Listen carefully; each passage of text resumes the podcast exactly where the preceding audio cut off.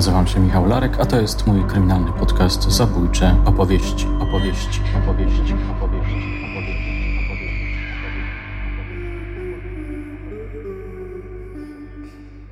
Straszna zbrodnia Maliszów, Jan Litke.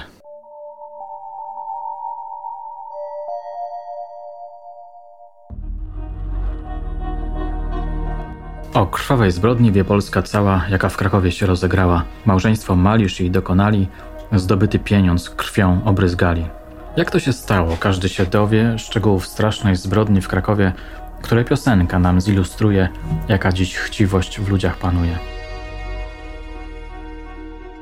Żyło w Krakowie małżeństwo młode, którzy stracili wolność, swobodę, przez zbrodnie chcieli zdobyć pieniędzy, by się ratować niemi od nędzy. Pracy szukali, lecz nadaremnie, wtedy planują zamach tajemnie.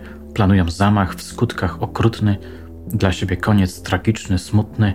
W tym celu oni pokój najmują, u państwa Suskind i zadatkują, na nowy adres przekaz nadają i na ofiarę swoją czekają.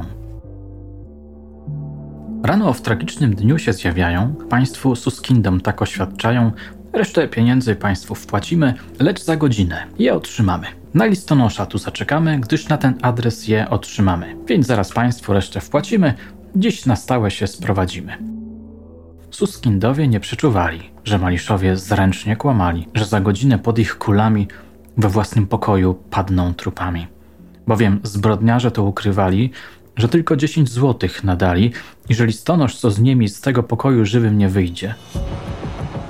Wchodzi przebinda, listonosz pocztowy, oni plan zbrodni mają gotowy.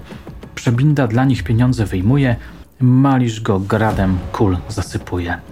Przebinda pada od kul Malisza, lecz hukiem strzałów rozdarta cisza zwabia Suskinda z córką i żoną, którzy przebindzie spieszą z obroną.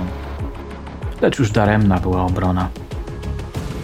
Przebinda w skurczach śmiertelnych kona i nowe strzały się rozlegają.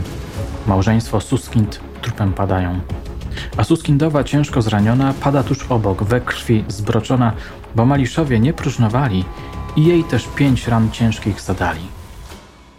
Nikogo w domu nie oszczędzili, a gdy już krwawą zbrodnię skończyli, wtedy chwytają torbę z pieniędzmi, by z miejsca zbrodni uciec czym prędzej. A ludziom, którzy strzały słyszeli, tak Maliszowi odpowiedzieli, że o mieszkanie się pokłócili, gdyż nie chcą wpuścić, choć zapłacili. Po czym ze schodów szybko zbiegają i w dwóch kierunkach się ulatniają. Malisz z pieniędzmi na planty bierze, ona po zmianę do dom odzieży. Malisz na plantach pieniądze wyjmuje, z torby pocztowej w walizkę ładuje, a próżną torbę w krzakach zostawia i gdzie wyjechać się zastanawia. A wieść o zbrodni szybko się szerzy że we krwi cała rodzina leży, spieszy policja i pogotowie, za nimi ludzi ogromne mrowie.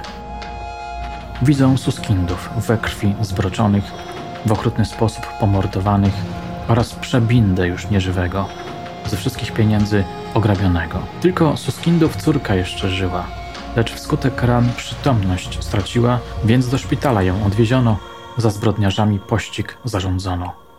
Ale zbrodniarze długo nie czekali i do Katowic zaraz odjechali. Tam w kabaretach nocnych się bawili, bo 18 tysięcy mieli. Przez tydzień oni w panów się bawili. Już dwa tysiące wydać zdążyli. Ona do rabki jedzie wypocząć, by później nowe życie rozpocząć. Ale zbrodniarze o tym nie wiedzieli, że wywiadowcy czujnie ich śledzili, że w ręku władzy już się znajdują, bowiem na zajutrz ich aresztują i do więzienia ich odstawiają, pod sąd doraźny sprawę oddają, gdzie po dokładnym zbadaniu sprawy nadszedł kres dla nich tragiczny, łzawy. Chociaż obrońcy dobrze ich bronili, na karę śmierci obu zasądzili. A prezydent, choć życie cenił, tylko zbrodniarce karę zamienił.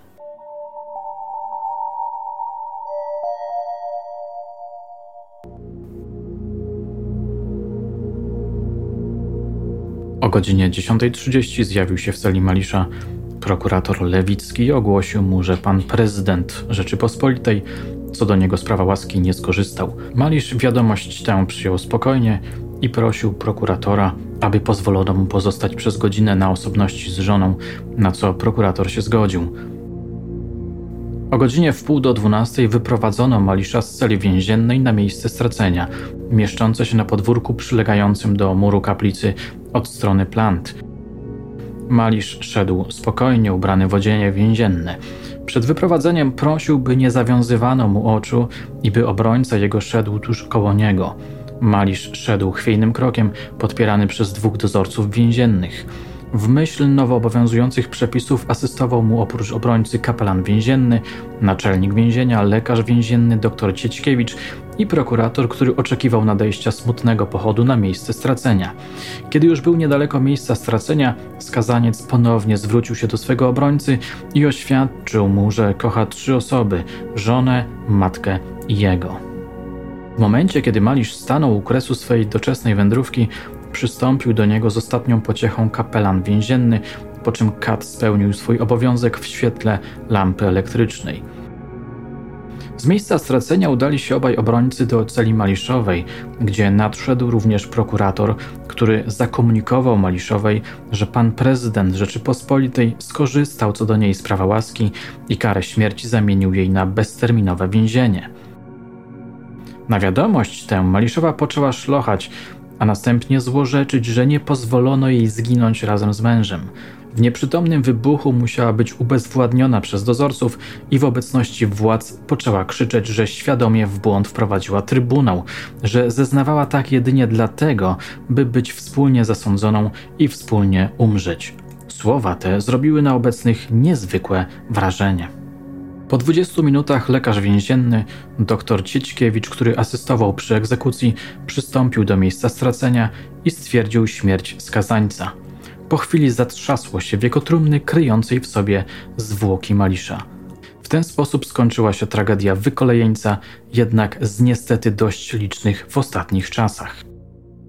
Ilustrowany kurier codzienny numer 308, poniedziałek, 6 listopada 1933 rok.